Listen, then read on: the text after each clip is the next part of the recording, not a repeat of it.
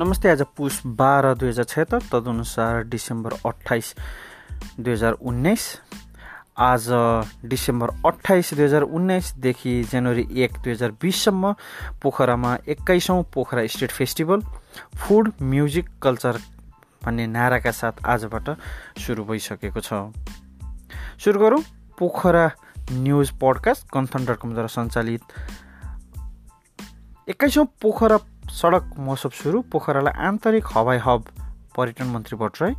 Cycle चलाउँदै पोखरामा two D Pokhara र पोखराको हिमागृहमा रिसोर्ट चलाउन दिने तयारी पोखरेलीको विरोध।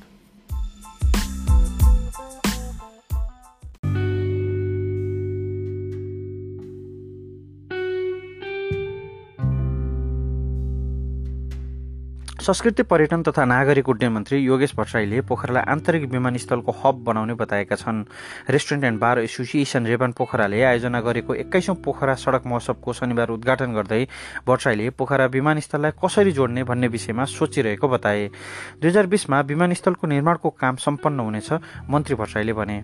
विदेशबाट समेत उडानका लागि सरकारले तयारी थालेको बताए।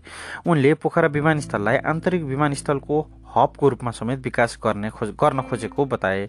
उनले त्यसका लागि छिटै नै नेपालका विभिन्न ठाउँबाट पोखरामा हवाई सञ्जाल जोड्ने बताए।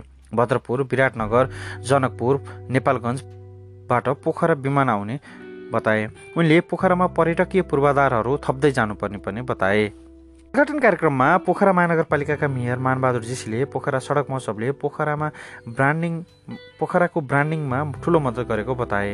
उनले पोखराको पर्यटन विकासका लागि गुरु योजना बनाएर अगाडि बढ्ने समेत बताए। सडकहरूमा रङरोगन गरिएको छ भने रङ्गीचङ्गी ध्वजा टाँगेर सिँगारिएको दुलै झैँ देखिएको छ।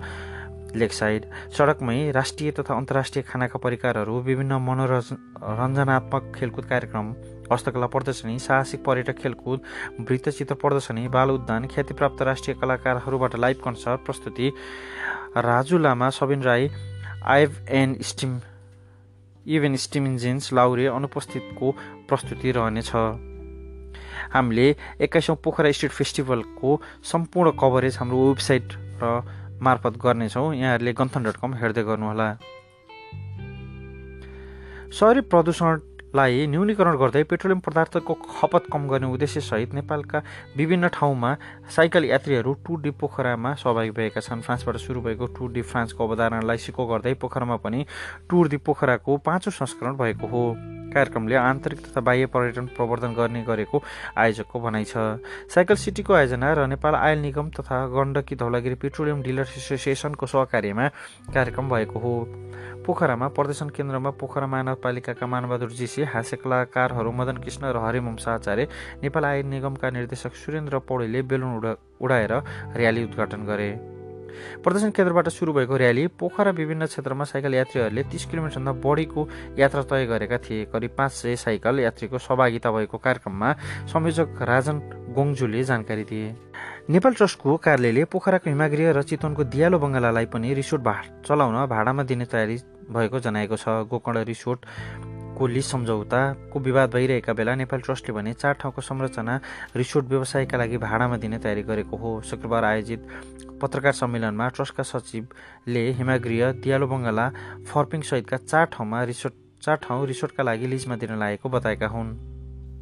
सहितको सम्पत्ति रहेको पोखराको रत्न मन्दिर हिमागृह बाराईघाट वसुन्धरा पार्क र कोमागनी पार्क लगायतको जग्गामा पुरातात्विक ऐतिहासिक सङ्ग्रहालयको रूपमा विकास गरी लैजान पोखरेलीको माग छ।